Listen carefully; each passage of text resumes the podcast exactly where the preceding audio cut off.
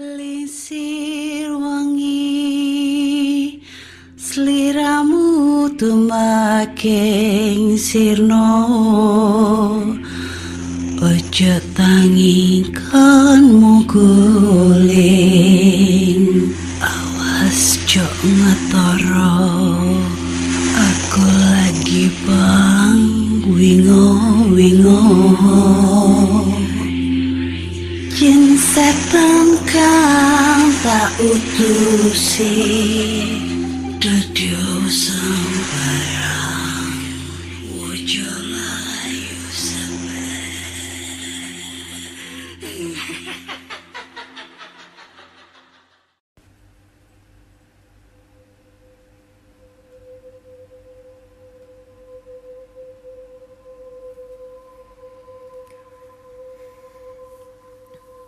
Assalamualaikum warahmatullahi wabarakatuh. Salam sejahtera. Om Swastiastu Dan selamat datang di podcast kisah horor.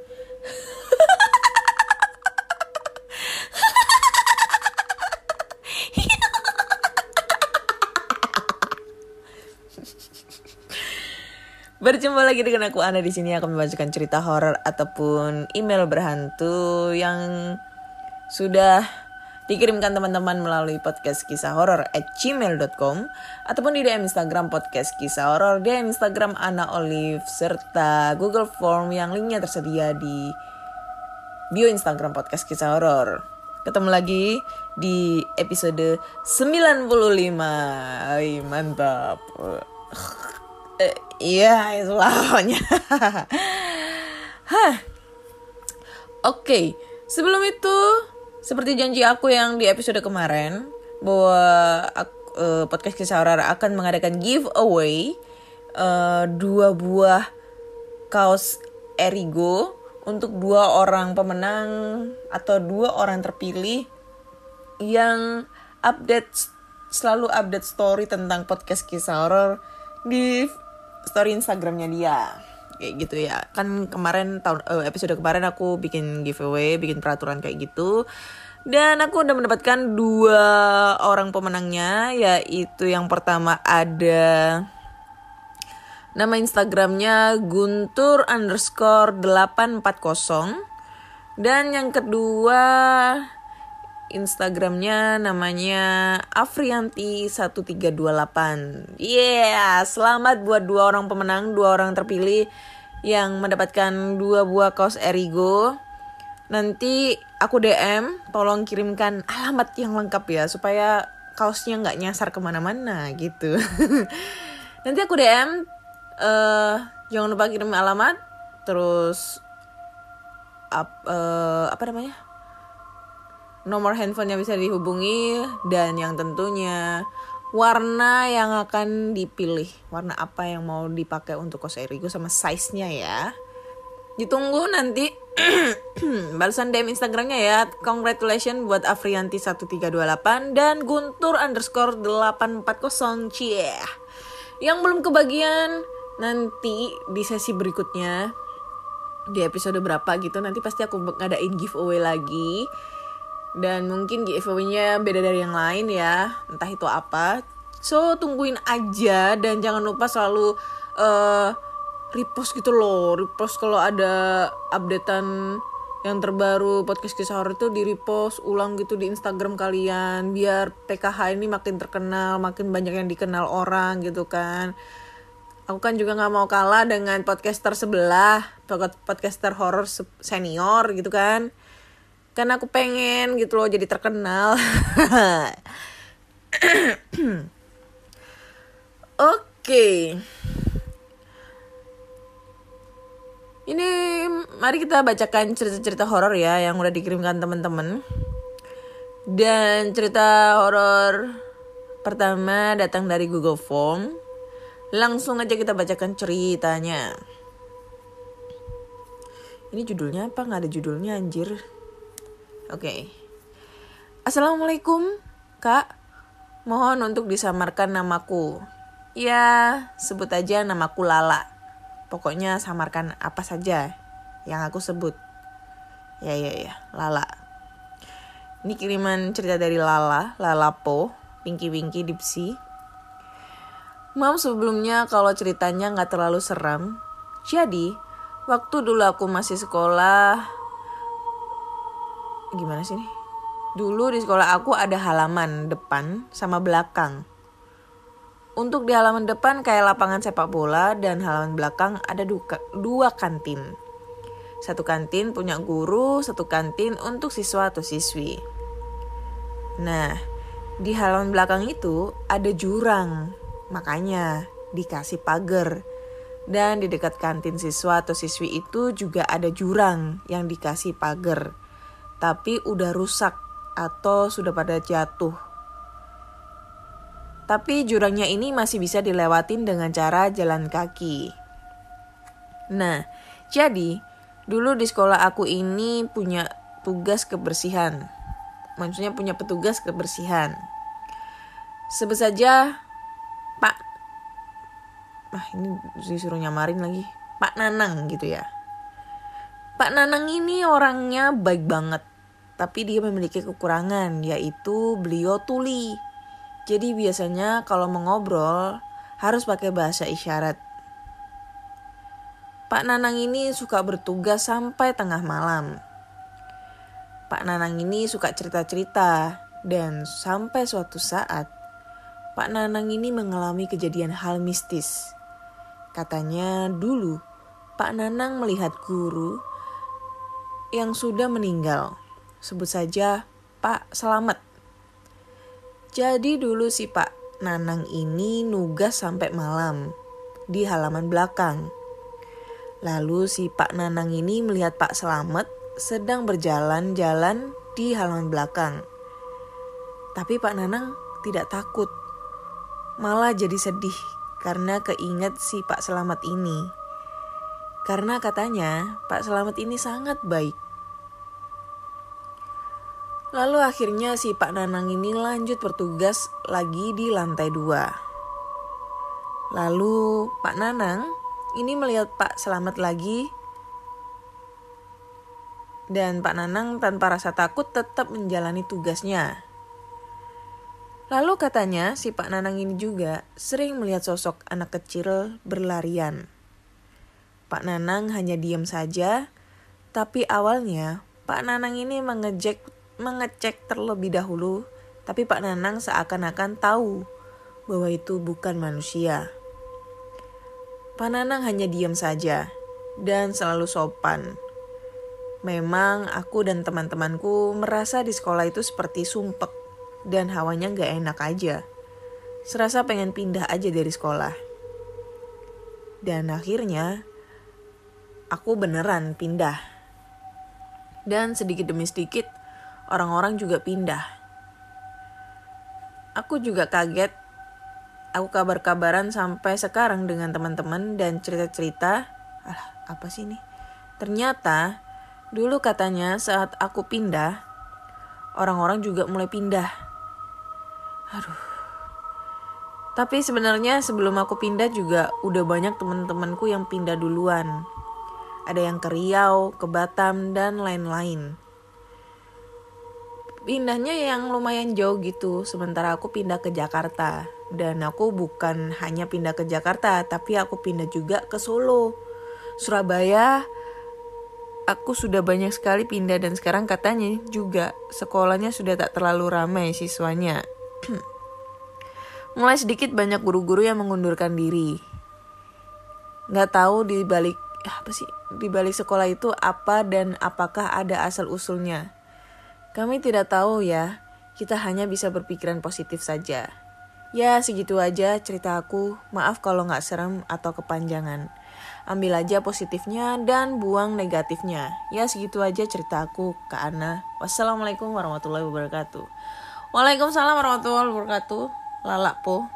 Lalak tingki wingki dipsi lalak po. Ya. Aduh. Ini sih ceritanya serem enggak? Bikin mata sakit ya.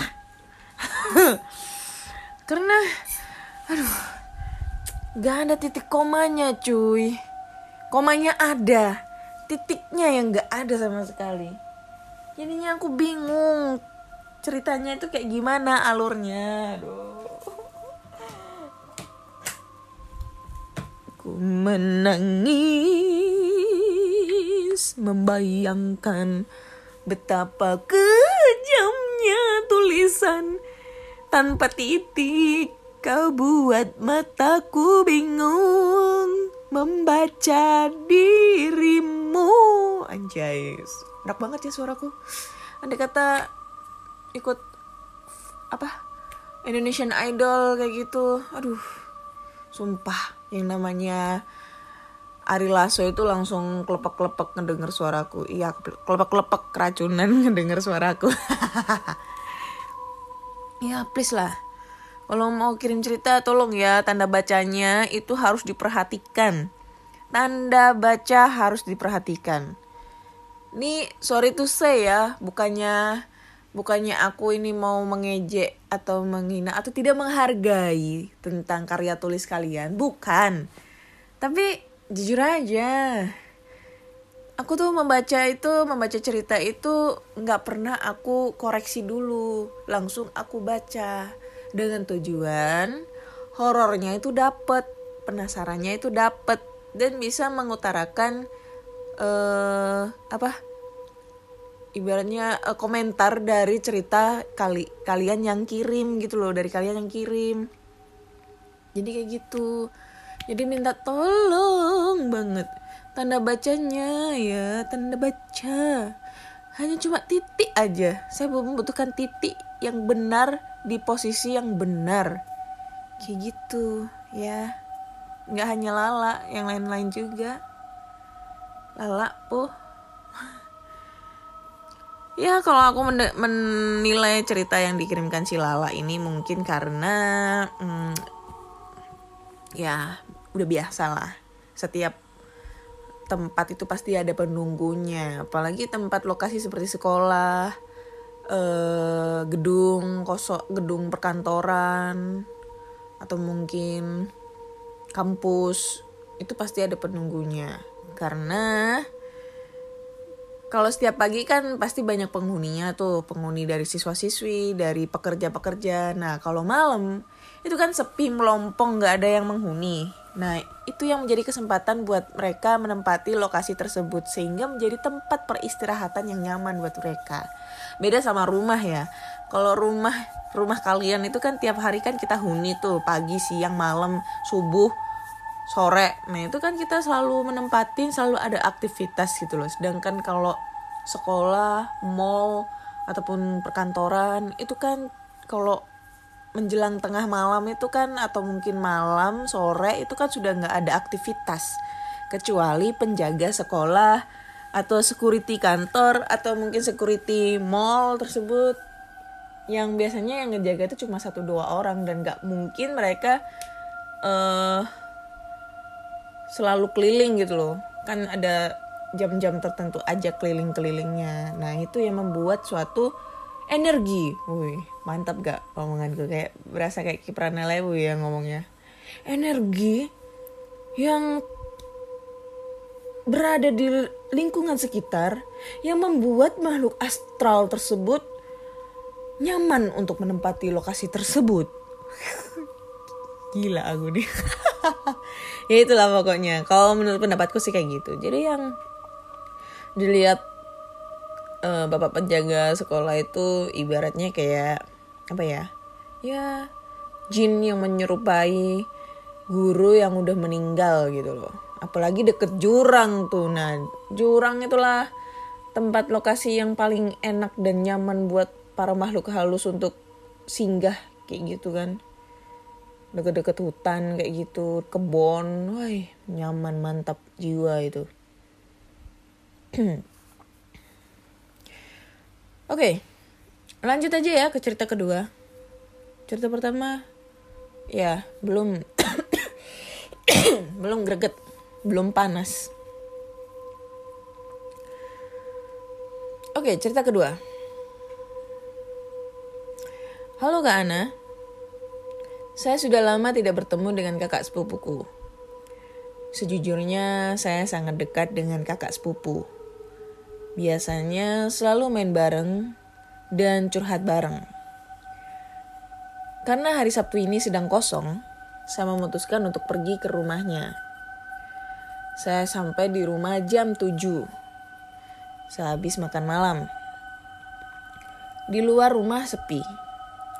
Saya berjalan melewati perkarangan kecil rumah tante dan mengetuk pintu beberapa saat.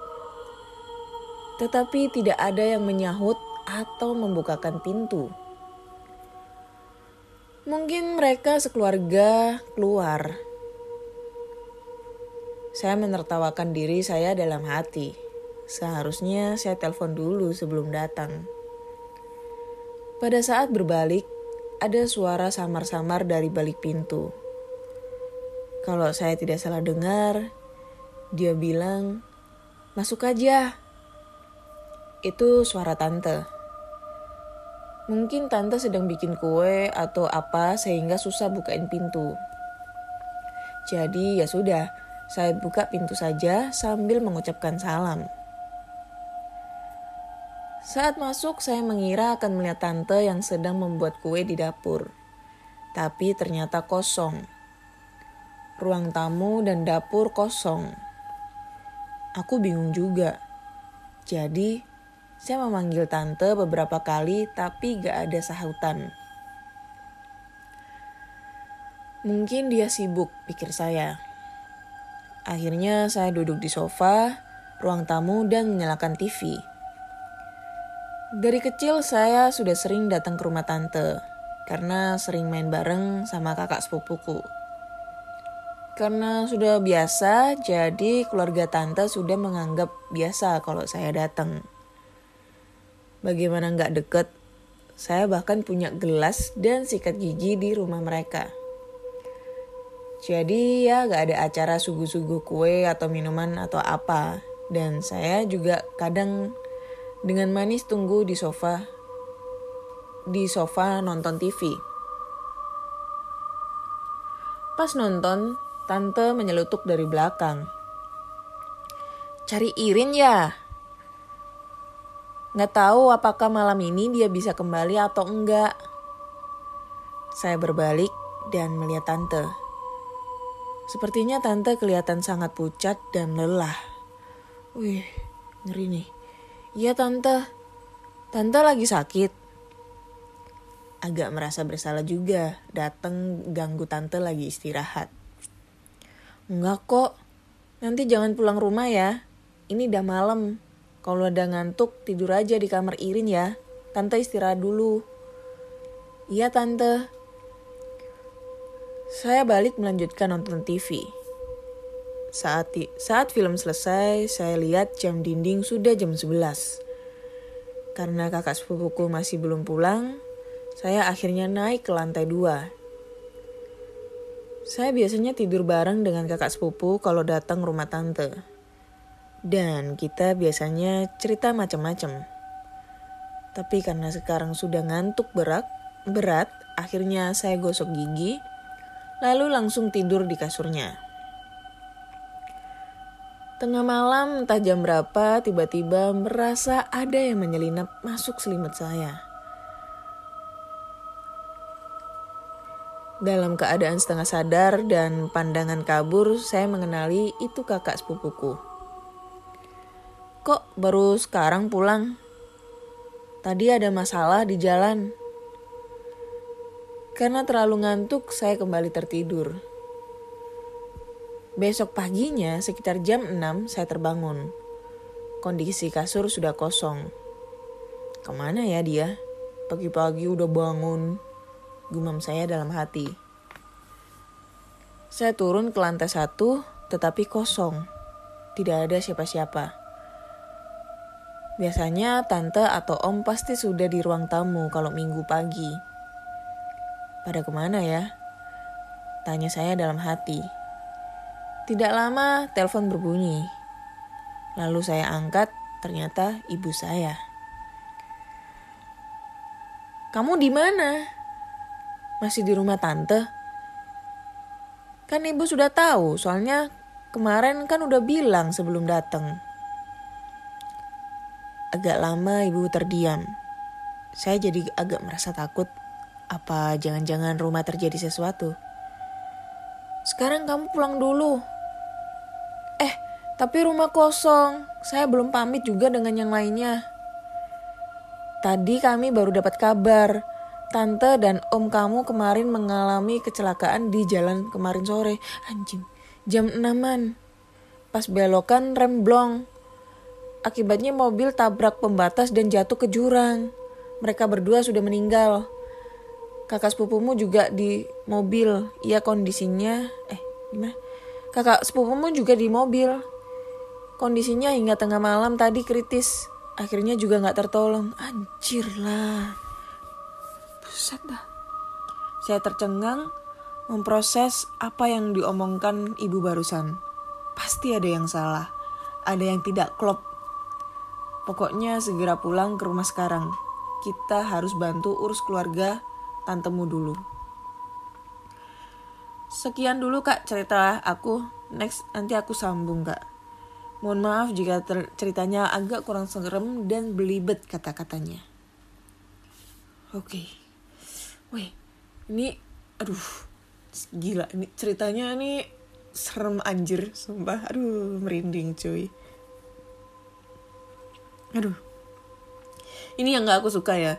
Kalau seandainya aku ngedapet cerita yang yang apa namanya pada saat dia datang ke rumah kerabat atau rumah teman atau rumah siapa pun atau mau ke mana gitu terus maksudnya mau nemuin orang yang ingin ditemuinya habis itu udah ketemu tapi berasa kayak aneh gitu loh orangnya itu ya kayak mungkin wajahnya pucet atau mungkin yang lain dari biasanya terus esok harinya tiba-tiba ngedenger kabar kalau sebenarnya mereka udah meninggal kemarin. Gila ini kayak speechless banget kayak oh my god. Berarti kemarin semalam aku ketemu sama arwah mereka gitu ibaratnya kayak pamitan atau apa gitu kan nggak ngerti ya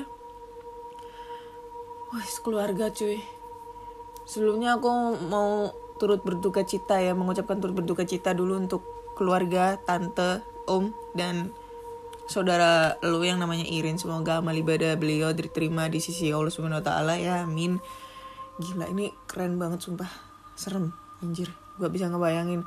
Terus pas dia tidur tiba-tiba ada sosok yang masuk ke dalam selimutnya. Ternyata kakak sepupunya dan ditanya kok baru pulang? Dia ngejawab iya tadi ada masalah di ada gangguan di jalan. Ternyata gangguannya dia kecelakaan cuy. Masuk jurang. Anjing nggak itu? Nggak bisa ngebayangin cuy. Kayak berasa kayak kita tuh dipamitin gitu loh. Wah keren ini cuy. Aduh nggak bisa ngebayangin oke dah. Uh, aduh nggak bisa berkata apa-apa anjir. Ngomong apa aku ini? Aduh.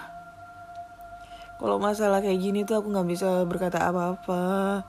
Karena ini endingnya ini dibilang serem-serem dibilang sedih juga sedih.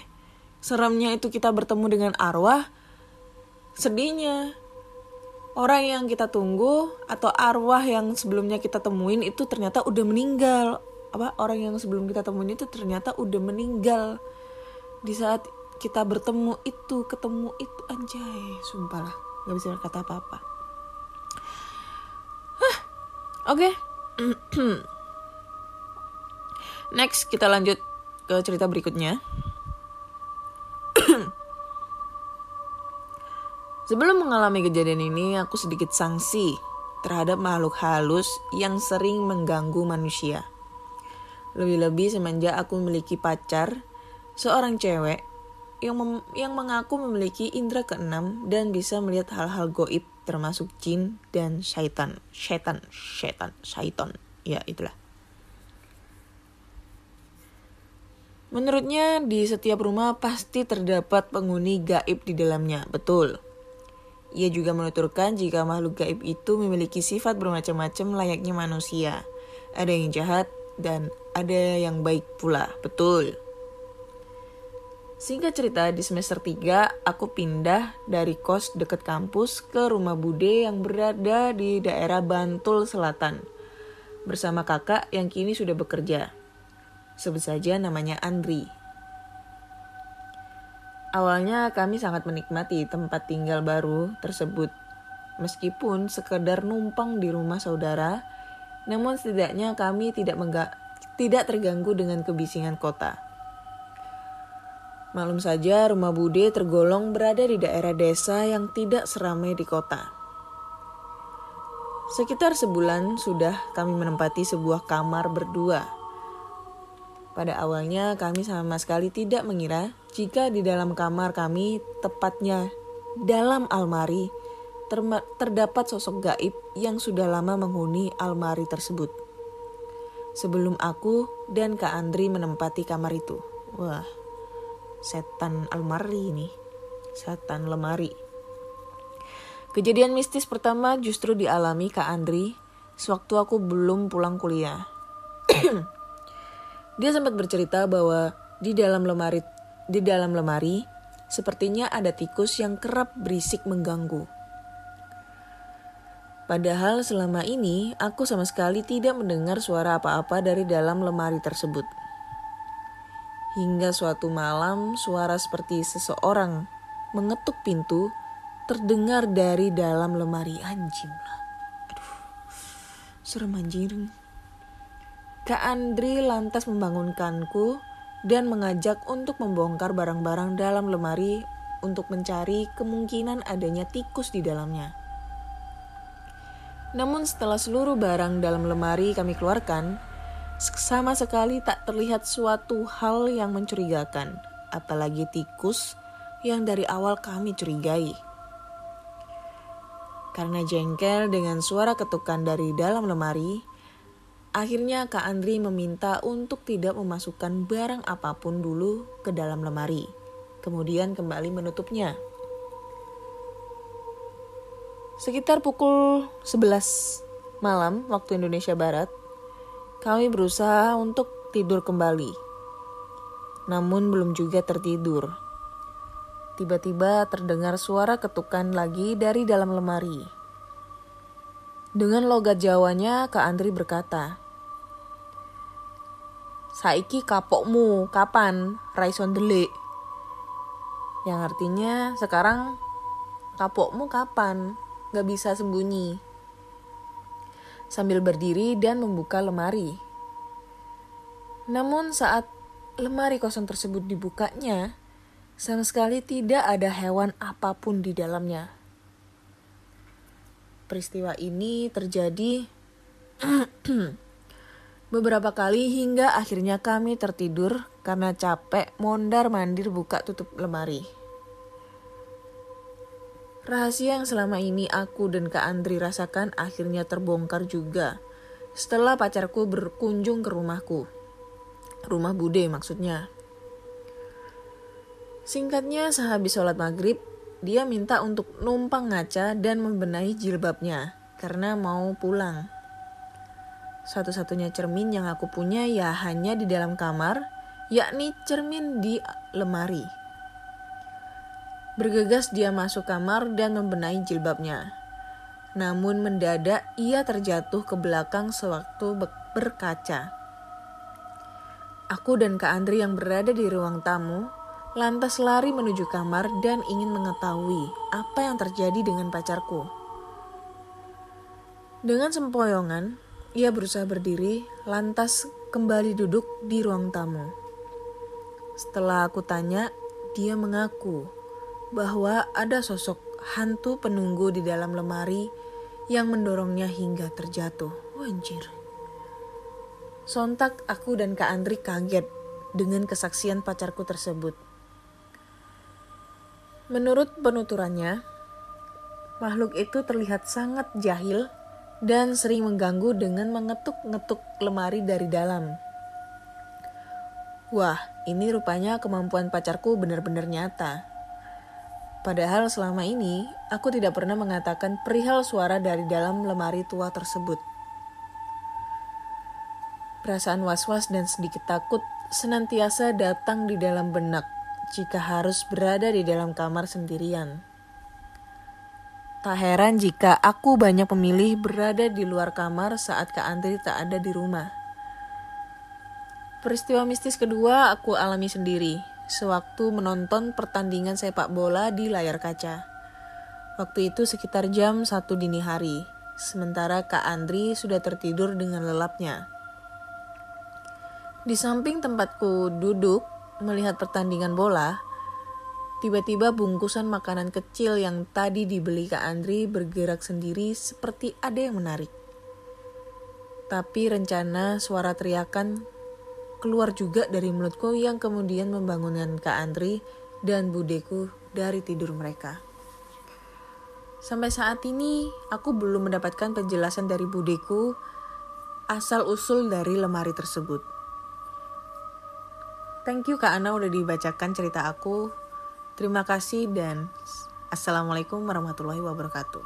Waalaikumsalam warahmatullahi wabarakatuh. Thank you banget buat ceritanya. Wih serem nih mah kalau ceritanya nih. Uh, Gak bisa ngebayangin ya, kita punya lemari dan lemari tersebut ada penunggunya. Tiap kali ada yang ngetok-ngetok pintu lemari tersebut dari dalam. Buh, serem banget. Berasa kayak film film-film horor gitu loh. Di ada yang ngetok terus dibuka ternyata nggak ada. Ngetok lagi dibuka nggak ada. Ngetok lagi dibuka nggak ada. Nggak taunya muncul sosok makhluk halus. Ya kalau makhluk halusnya biasa gitu bentuknya nggak apa-apa. Tapi kalau nyeremin banget mukanya ancur apalah. Kayak ini kalau dengan kata-kata lemari itu aku itu lagi kayak keinget film Conjuring yang adegan dia naik di atas lemari. Nggak salah Batsida namanya. Pernah nonton nggak film Conjuring pertama? Yang pas adegan si si setannya itu di atas lemari. Kayak apa ya kayak posisi kayak menerkam gitu. Aduh gila serem banget. Berasa kayak penunggu lemari dia itu. Itu udah kata-kata lemari. Serem sumpah. Nggak bisa ngebayangin. Kayak cerita apa ya? Lemari. Ada kok. Aku pernah lihat film horor yang uh, ada adegan lemari gitu loh. Cuma lupa adegan apa gitu. Lupa. Oh ya btw ngomong-ngomong masalah film horor nggak kerasa nih cuy yang film horor yang aku tunggu-tunggu bakal akan muncul bakal bakal akan tayang sesegera mungkin tepatnya tanggal 2 itu udah rilis di bioskop seluruh Indonesia.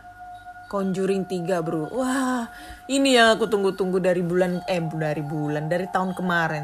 Sebenarnya Conjuring 3 itu bakal rilis itu ta Bulan 10 tahun 2020 ya. Tapi karena adanya pandemik Jadinya diundur. Dan juga proses syutingnya juga diundur. Dan akhirnya Juni 2021 film The Conjuring 3 itu bakal muncul, bakal rilis. Wah ini sumpah nggak bisa ngebayangin dan pasti ini aku harus nonton, nggak mungkin nggak bakalan nonton. Karena film ini tuh yang aku tunggu-tunggu, apalagi film yang based of true story, berdasarkan kisah nyata.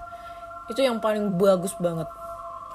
Nih, uh, aku recommended ya yang biasanya itu film-film basic of best of true story. Anjay guys ngomong nggak bisa bahasa Inggris. Yang pokoknya yang berdasarkan kisah nyata yang recommended banget deh. Conjuring 1, Conjuring 2, Conjuring ya Conjuring 3 di sini ya. Terus ada lagi film The Poltergeist. Eh kalau Poltergeist itu bukan kisah nyata tapi filmnya itu ada kutukan gitu yang Poltergeist tahun 84 nih yang keren abis filmnya The Exorcism kalau bukannya Exorcism Emily Rose ya, tapi The Exorcism yang tahun 80-an yang filmnya itu kalau tak kalau kalian tahu ya, itu tuh ada adegannya si ceweknya itu yang kesurupan itu kayang cuy, kayang ke belakang terus turun ke tangga dengan keadaan kayang terus apa ya? mengeluarkan cairan hijau gitu di mulut. Ay, sumpah itu keren banget sumpah. Itu kisah nyata cuy dari sekian banyak film horor yang berdasarkan kisah nyata yang menurutku paling keren itu ya The Exorcist, Conjuring 1, Conjuring 2, Annabelle. Wah, keren itu cuy, sumpah.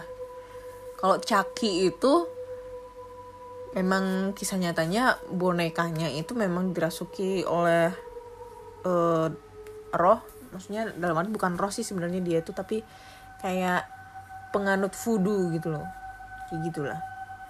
Tapi kalau film fiktif, fiktif horor fiktif yang recommended banget dan horornya dapet banget itu Insidious. Insidious 1 sampai terakhir. Itu keren banget sumpah, keren banget walaupun itu mungkin bukan kisah nyata tapi itu ceritanya tuh klimaksnya dapat banget, horornya dapat banget. Apalagi aku tuh paling seneng itu film horor itu yang karakter utamanya itu nggak ganti-ganti cuy. Maksudnya kalau misalnya ada Conjuring 1, Conjuring 2, Conjuring 3 itu kan kadang kan ada yang karakternya itu kan gonta-ganti tuh. Ibaratnya kayak film Spider-Man nih. Nah, dari film Spider-Man itu karakternya itu kadang tuh gonta-ganti dari pemain ini, pemain ini, pemain ini nanti The Amazing Spider-Man ganti lagi. Nah, ini kalau aku sukanya Conjuring sama Insidious itu karakter utamanya itu pemeran utamanya tuh nggak ganti-ganti ya kan? Kayak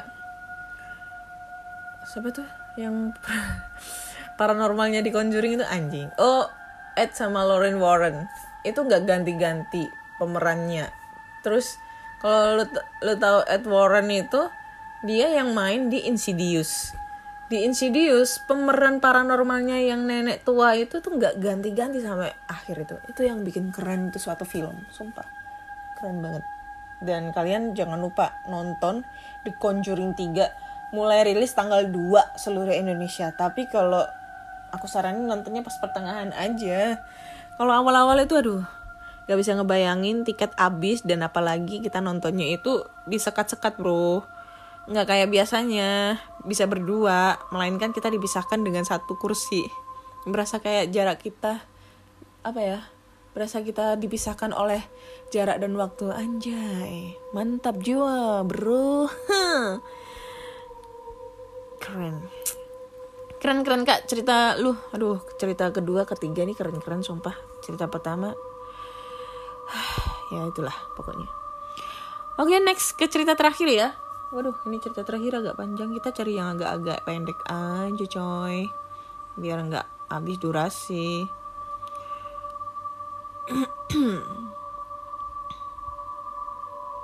nah ini. Hmm.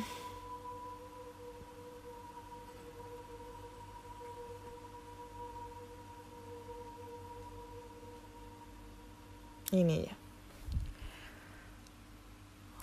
Sebut saja Pang, nama pemuda yang disamarkan. Bertempat tinggal di kota Tanjung Karang saat itu. Dia seorang bos Metro Mini di sana. Dengan bermodal dari orang tua angkatnya, dia sukses di usia muda. Edoy, Tony, El, dan Rian, mungkin nama ada yang salah. Mereka adalah teman sekaligus partner kerja yang membawa Metro Mininya. Setelah sehari mencari penumpang dan saatnya setoran ke bos Pang, mereka asik mengobrol ke sana kemari di rumah Pang.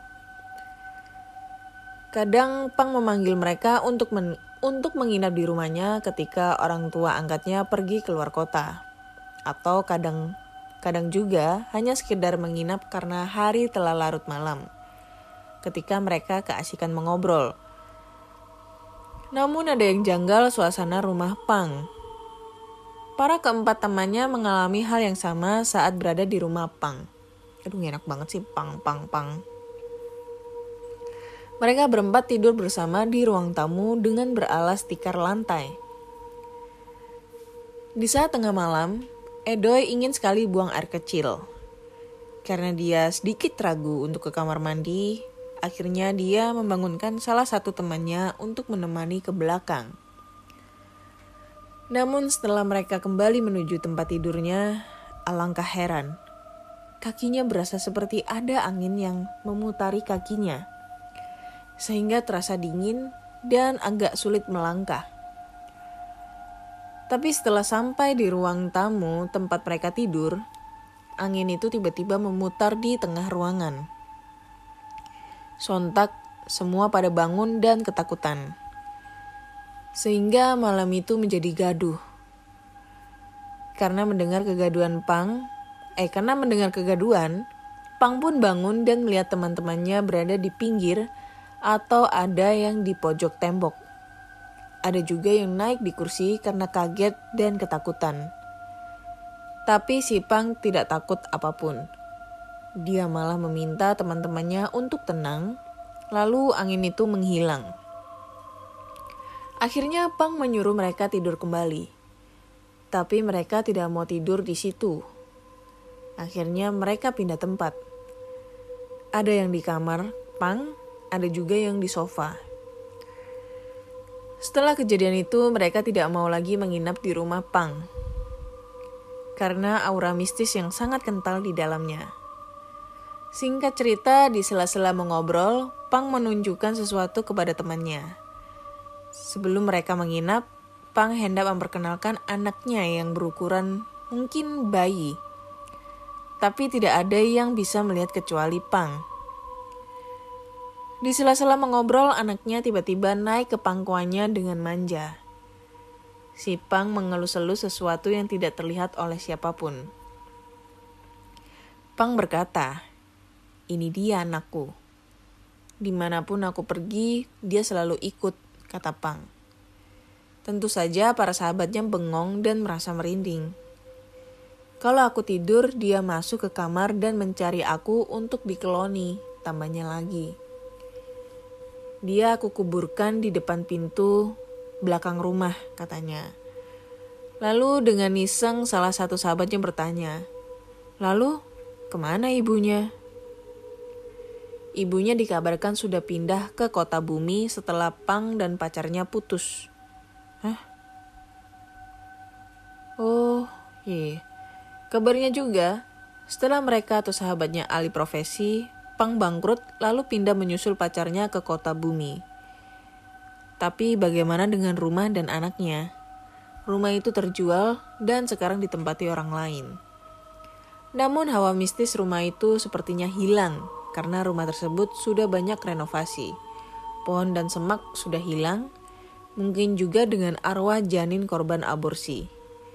Karena setiap orang tua yang melakukan pasti akan diikuti anak bunuh bunuhannya di mana pun berada.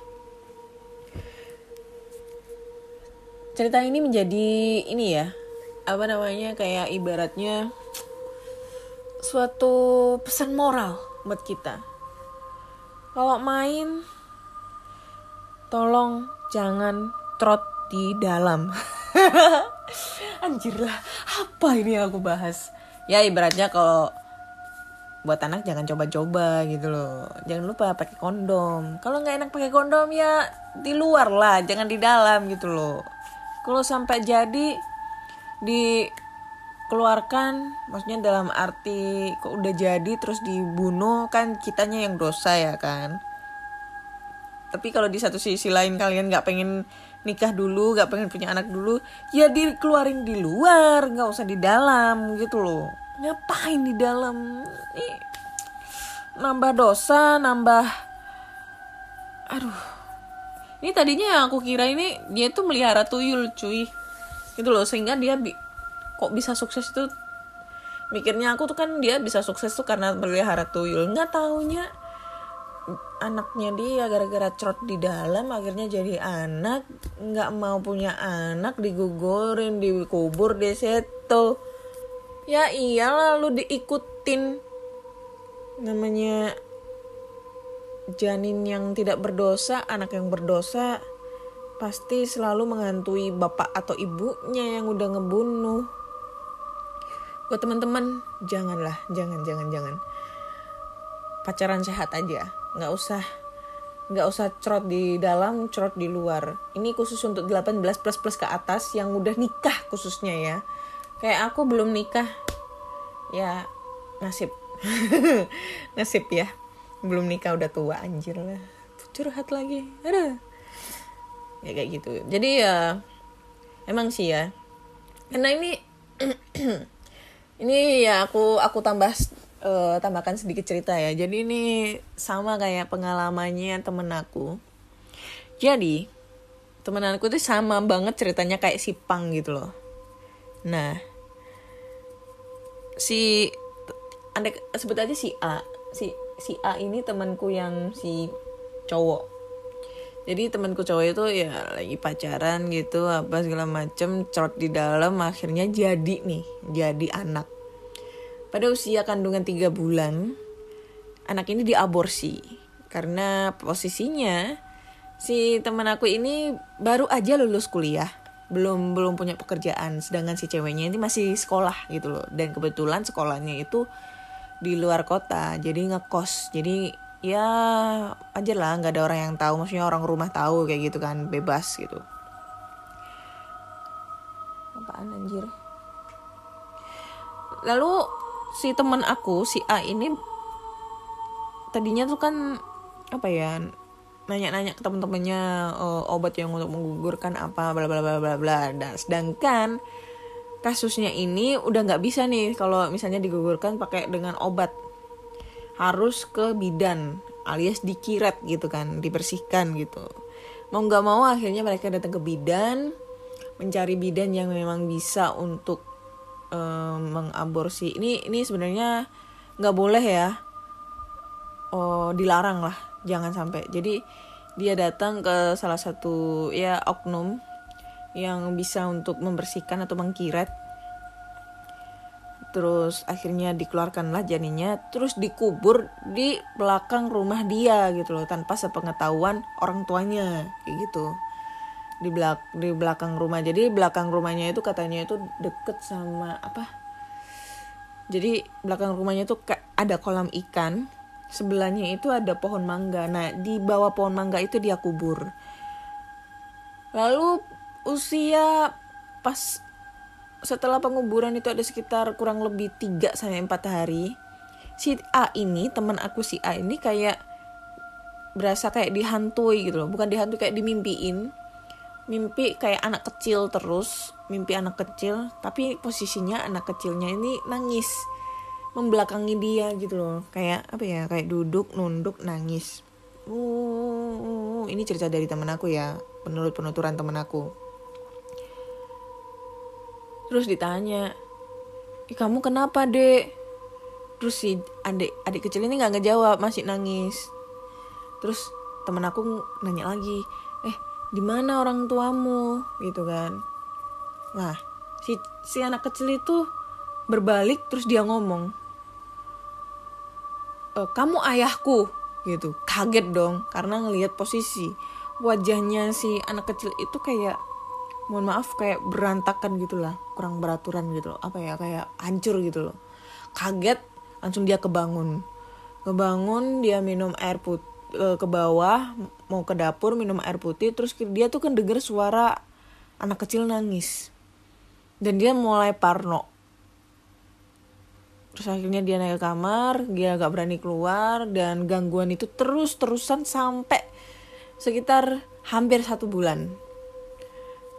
Dan pada akhirnya dia udah mulai kapok, dia udah mulai stres, dia udah mulai kayak gimana sampai dia nggak mau cari kerja kayak gitu kan, ngurung terus di kamar.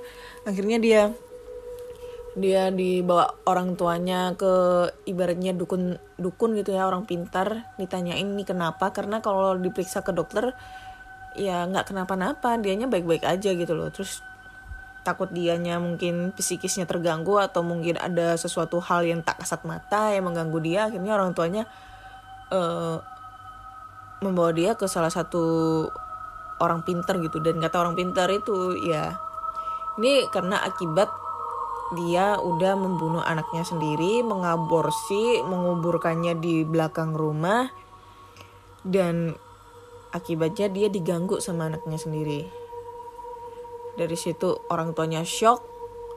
Terus habis itu apa ya kemarin itu dia yang dulu tuh dia cerita pokoknya itu janinnya itu dibongkar lagi terus dipindah ke pemakaman endingnya itu. Tapi sekarang si teman aku udah baik-baik aja. Udah nikah kemarin anjing gue ditinggal nikah. Udah nikah baru beberapa beberapa bulan yang lalu. Ya alhamdulillah. Semoga dia mendapatkan anak yang soleh dan soleha ya karena kita nggak tahu ya. Biasanya itu mitos kata orang-orang itu nanti tuh bakal bakal kayak gimana apa bakal mendapatkan apa itu? Iba bahasanya itu kualat kayak gitulah. Kualatnya dalam bentuk apa ya kurang tahu juga gitu. Ya itulah sedikit cerita. Jadi buat kalian-kalian semua pendengar podcast kisah horor yang belum nikah yang masih muda-mudi berpacar. Kalau udah punya pacar kalau lagi pacaran pacaran sehat aja nggak usah ngapa-ngapain nggak usah aneh-aneh. Karena zaman sekarang itu udah mulai zaman edan zaman di mana itu semua itu bisa dihalalkan dengan cara yang yang apa ya yang tidak baik lah ibaratnya kayak gitu. Jangan sampai merugikan diri sendiri, jangan sampai merugikan orang di sekitar ataupun orang lain ataupun orang tua. Kasihan orang tua yang membesarkan kita, membiayai kita, menyekolahkan kita, apalagi mendidik kita jauh lebih baik gitu. Oke, kayaknya cukup sekian dulu cerita kali ini. Udah ada sekitar 4 cerita yang aku bacakan. Cerita pertama ya bi aja. Cerita kedua udah gas, panas gitu ya. Serem cerita ketiga makin serem lagi. Dan cerita keempat wah ini bisa dibilang serem bisa dibilang ya separuh-separuh lah. Kayak gitu. Oke okay. buat teman-teman yang mempunyai cerita-cerita horor entah itu pengalaman dari diri kalian sendiri kakak ibu ayah adik i, uh, kakek nenek tetangga saudara atau siapa pun itu kalian bisa langsung aja kirimkan ceritanya ke podcast kisah horror at gmail.com ataupun di DM Instagram podcast kisah horor, DM Instagram Ana Olive, serta Google Form yang linknya tersedia di bio Instagram podcast kisah horor. Jangan lupa follow Instagram podcast kisah horor agar followersnya tuh makin banyak biar bisa swipe up, swipe up gitu loh. Karena aku juga iri pengen swipe up kan, siapa tahu dapat 10 ribu followers sudah bisa endorse endorse gitu kan, biar dapat cuan sampingan. tahu sendiri kan podcast nggak dapat duit. Terus jangan lupa follow juga uh, podcast kisah horor di Spotify agar kalian selalu update tentang cerita-cerita horor terbaru. Kayak gitu ya. Oke. Okay. Nantikan episode 96 dan terima kasih sudah mendengarkan podcast kisah horor. Bye bye.